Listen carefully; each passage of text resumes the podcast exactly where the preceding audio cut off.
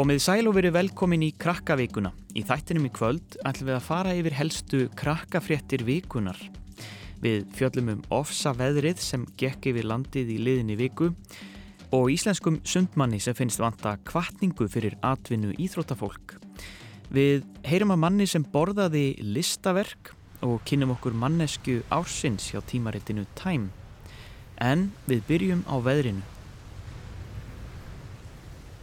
Síðastlegin þriðudag fór mjög vond veður yfir mestalt landið sem veðurfræðingar höfðu spáð fyrir um. Veðrið var kallað sprengilægð af sumum veðurfræðingum og á norð-vestur hluta landsins var sett rauð viðvörun og það í fyrsta sinn. En hvað þýðir eiginlega rauð viðvörun og hver er munurinn á henni og gulri og appesínugulri? Við fengum hana Elínu Björg Jónasdóttur veðurfræðing til að segja okkur betur frá. Appelsínugul viðvörun er viðvörun um vond veður sem getur haft mikil áhrif. Það geta lókast vegir og fluglegið niðri og, og annað slikt en, en það er þó ekki það vond að þú getur ekki fengið aðstóð ef þú lendir í vandræðu. Rauðviðvörun er þá viðvörun um ennþá verra veður og þá er veður kannski árið þannig að það lókast bara samgöngur í öllu landinu. E, veðri stendur lengi yfir og áhrifana gætir mjög lengi, til dæmis gætir það rammakslust í einhverja daga ef það er hérna, svona slemt veður. Og þá er líka ekkert víst að það komist til þín aðstóði ef þú lendir í vandræðum þannig að þá er betra að halda sig heima. Skóli fjall niður víða á norðvesturlandi í vikunni. Fóreldrar voru kvattir til að sækja börnin sín snemma á þriðudag og það var mælt með því að allir heldu sig innandýra á meðan veðrið gengi yfir. Og óveðrið hafiði mikil áhrif á daglegt líf Íslendinga, sérstaklega á norður hluta landsins þar sem rafmagnið fór víða af og símasamband rofnaði. Á Dalvík hafi verið lengi rafmagslaust og á fymtudagskvöld var varðskipið Þór notað á óheðbundin hátt. Rafstöð í skipinu var tengd við bryggjuna og þá var hægt að koma rafmagni á bæin. En þrátt fyrir rafmagsleysið reyndu margir dalvíkingar að hafa það notalegt. En var hiti á húsum, fólk veikt á kertum og fann sér ímislegt til dundurs. Við erum búin að vera að spila og fara út að leika okkur og svona. En svo er engi skóli? Nei. Er það ekki leiðilegt? Nei. Björgunarsveitir og laurugla stóðu vaktina meðan óveðrið gekk yfir og stóðu í ströngu við að laga þar sem fóru skorðum og aðstóða fólk sem þurfti á hjálpað halda. Smiðjuloftið er afþreyingar setur á Akranesi þar sem er bóðið upp á ímislegt skemmtilegt. Klefur er einna vinsælast og kannski ekki skrítið því þar er hæsti klefurveggur landsins. En hvað er það skemmtilegast að við að klifra? Það er bara svona gaman að fara mjög hátt upp og líka detta og fara mjög svona, veist, hátt upp og detta svo ekki langt niður og eitthvað svona. Þú veist, mér er svona mjög gaman. Það hljóma nú ekki mjög skemmtilegt að detta en er það, þið finnst það gaman? Já. Og ertu alltaf örug? Er þetta ekkert hættulegt? Nei ekki að maður kann alveg á búnaðinn. Hvað þarf maður að kunna? Hver er kunstinn? Hvað, hvað þarf maður að kunna til að geta orðið góður í þessu? Uh, maður þarf bara, þú veist, að vera sterkur eitthvað, maður verður bara sterkari fattur þegar maður er búinn að klifra og bara vanda sig eða eitthvað. Það þarf að æfa vel? Já.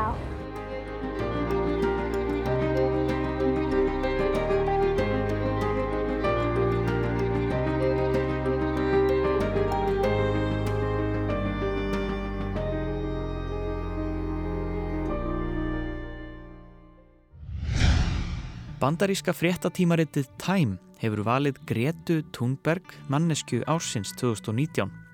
Hún fær þessa viðurkenningu fyrir að hafa kvart ungt fólk um allan heim til að þrýsta á stjórnvöld að grýpa til aðgerða í umhverfismálum með slagorðunum skólaverkfall fyrir loftslægið. Greta Thunberg var stött á loftslagsráðstefnu saminuðu þjóðana í Madrid á Spáni í síðustu viku. Greta fór á ráðstefnuna Siglandi frá Bandaríkjónum. Á ráðstöðinni flutti hún ávarp og sagði að leiðtógar heims kæmust of auðveldlega upp með að gera ekkert til að berjast gegn lofslagsbreytingum. Aðrir sem komu til greina sem manneskja ársins hjá Time voru Donald Trump bandaríkjaforseti og baráttu fólk fyrir líðræði í Hong Kong.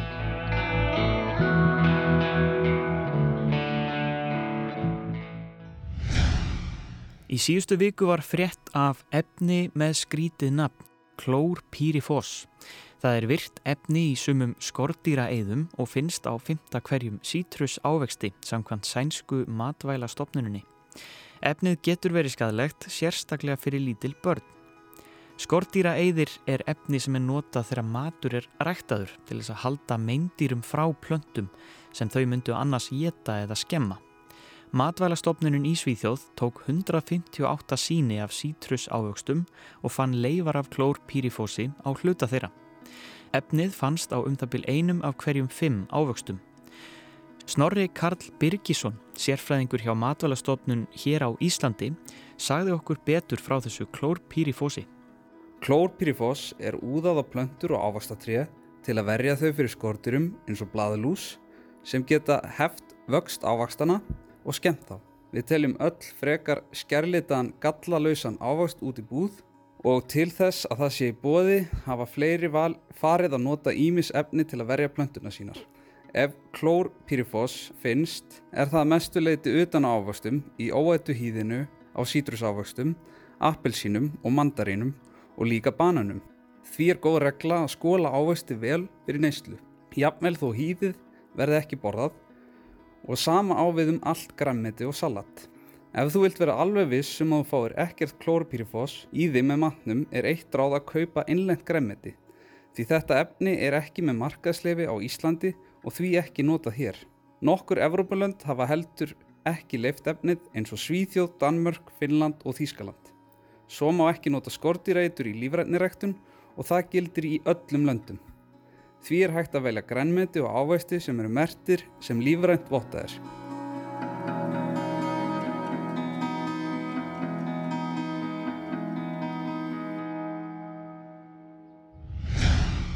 En talandum ávexti, listaverk sem seldist á um 15 miljónir íslenskra króna var borðað af manni sem skoðaði það á listasýningu í bandaríkjónum.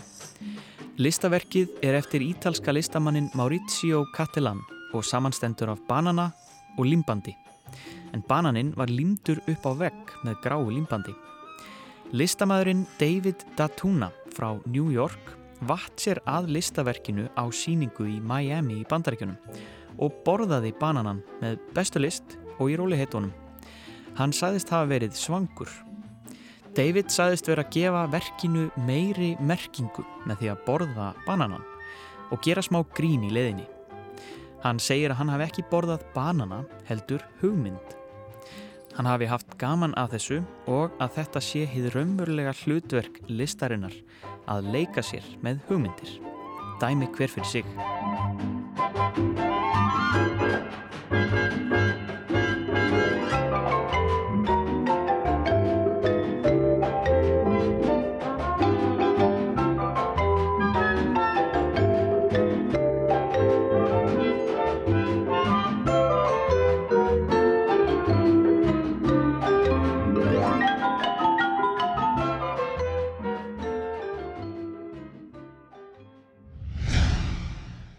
Alþjóða Livja eftirlitið, VATA, hefur ákveðið að banna rúsnesku íþróttafólki að taka þátt í alþjóðlegum keppnum næstu fjögur árin. Þar með taldir eru ólimpjuleikar, heimsmeistaramót og evrópumót í flestum greinum. Sumir rúsneskir keppendur hafa notað liv til þess að ná betri árangri í íþróttinni sem þeir stunda, en það er bannað. Það hefur nokkur sinnum komist upp um rúsneska íþróttamenn sem brjóta þessa reglur. Rúsar hafa lofað því að bæta þetta en hafa ekki staði við það. Vata fór þess vegna að rannsaka Livja eftirlit Rúslands og þá kom í ljós að gögn voru oft fölsuð til þess að fela svindlið. Framkvæmda stjórn Vata hefur þess vegna dæmt rúsa til fjögra ára banns frá stórmótum Rúsnest íþróttafólk getur samt keft ef það getur sannað sagleysi sitt. Það myndi þá keppa undir hlutlausum fána, ekki þeim rúsneska. Bannið hefur ekki áhrif á þáttöku rúsa á EM í fótbolta næsta sumar eða EM í handbolta í januar.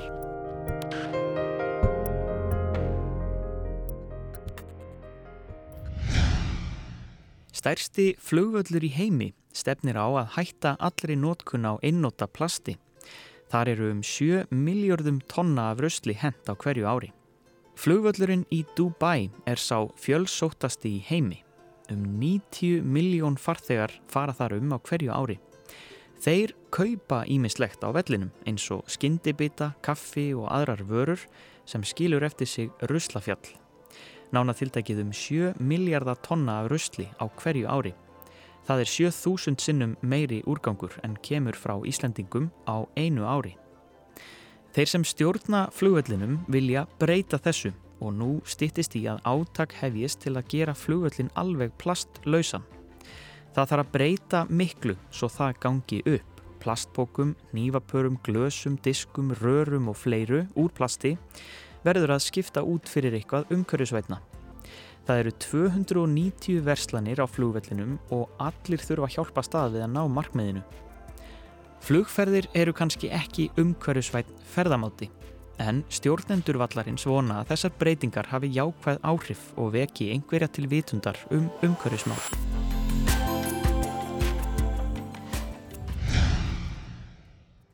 Aron og Emilia eru algengustu nöfn barna sem fættust á Íslandi í fyrra. Sankvæmt Hagstofu Íslands urðu ekki miklar breytingar á mannanöfnum í fyrra. Á eftir Aroni og Emilju eru strákanöfnin Alexander og Emil og stelpunöfnin Embla og Isabella vinsælust. Hagstofan byrti líka upplýsingar um afmælistaga Íslandinga sem dreifast ekki jamt yfir árið. Algengar að sé að börn fæðist að sumri og á hausti en yfir veturinn. Í byrjun þessa árs áttu flestir afmælistægin 27. september og fæstir 29. februar en það er það hlaup ársdagur.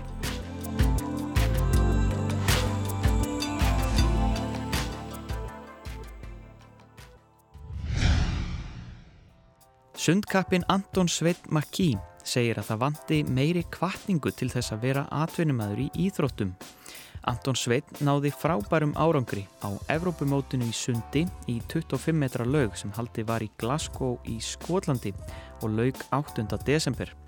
Hann setti sjö Íslandsmet á mótinu, bætti eitt Norðurlandamett og jafnaði annað. Honum finnst vanta meiri stuðning við íþróttafólk svo það geti verið atvinnumenn í sinni grein. Það sé samt merkilegt að Íslandingar eigi svona mikið af góðu íþróttafólki í næstum öllum greinum ef við ætlum að halda áfram á þessari braut og sérstaklega að fara sérstaklega um íþjóttufólk í öllum greinum þannig séð sem eru að skara fram úr. En einmitt, ef við ætlum að halda áfram á þessari braut og sérstaklega að fara sérstaklega aðla upp af krakkarnir sem eru að koma upp í dag og munu vera afreiksfólku okkar eftir tíu ár þá er einmitt við viljum geta stutt við þau og gefa þeim tækifæri eins góð tækifæri og hægt er fyrir þau að vera best í heiminum.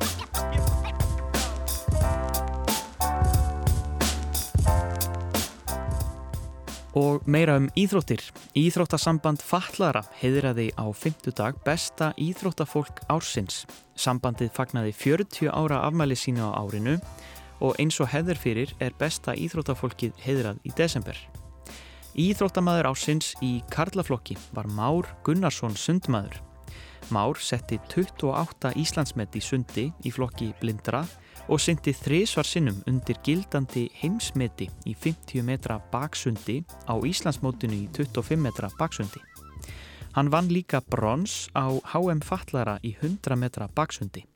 Íþróttamæður ásins um Fallara er sigur sem ég er unni á ekkert beint kannski orð til þess að lýsa almenlega vegna þess að uh, okkar íþrótta, íþróttamenn bara í, í íþróttasamhættinu eru mjög sterkir og, og margir sem kom til greina og, og, og hérna, þetta er eins og sé alls ekkert sjálfgeðið. Íþróttamaður ásins í kvennaflokki er frjáls íþróttakonan Bergrún Ósk Adalsteinsdóttir. Hún varð heimsmeistari ungmenna í langstökki og lendi í fymta sæti á HM fullorðina með lengsta stökki ferilsins. Það var náttúrulega HM ungmenna þar sem ég var heimsmeistari í langstökki. Mjög ánað með það. En, en árið sem, sem held, ertu ánað með framfæriðnar á, á þessu ári miðað við 2018? Mm, já, já, ég er mjög sátt sko. Já, bara auðvist bætingar og já, bara mjög ánað með það. Már og Bergrún stefna bæði á ólimpíumót fallara á næsta ári. Ólimpíuleikinir, það er bara farðangað, farðala leið. Ég ætla til Tókjó og ef ég fyrir Tókjó sem ég ætla að gera þá ætla ég að lenda á palli og vinna 100 metra baksund og fyrst ég ætla að þangað þá ætla ég bara að þangað.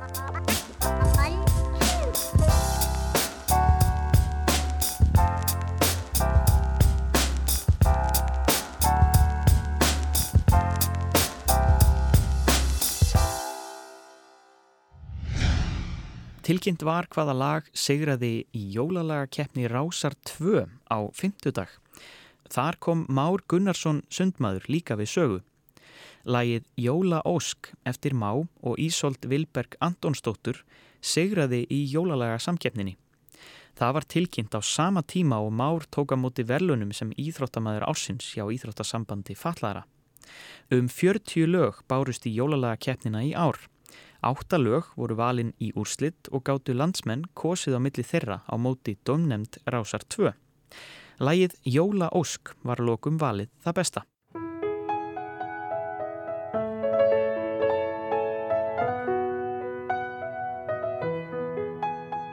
En þá er ekki fleira í þættinum í byli.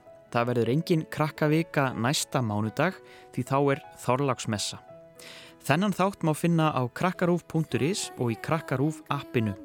Við heyrum svo aftur á milli jóla og nýjás. Þánga til næst, bless bless og gleðileg jól. Þegar ástinn nær að sigra allt og færa okkur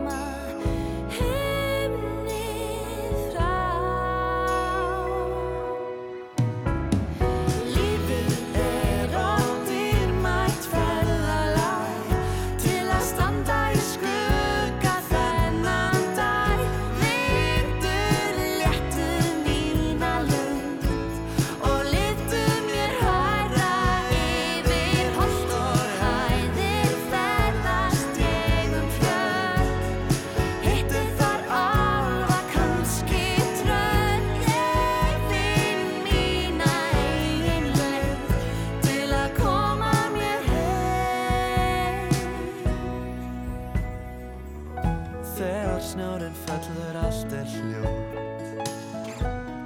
Þögnin er svo hlý. Bjartur himinn geymir mína ósk. Og norður ljósum blíð. Þá sé ég stjörnur hrapp ég byrð bara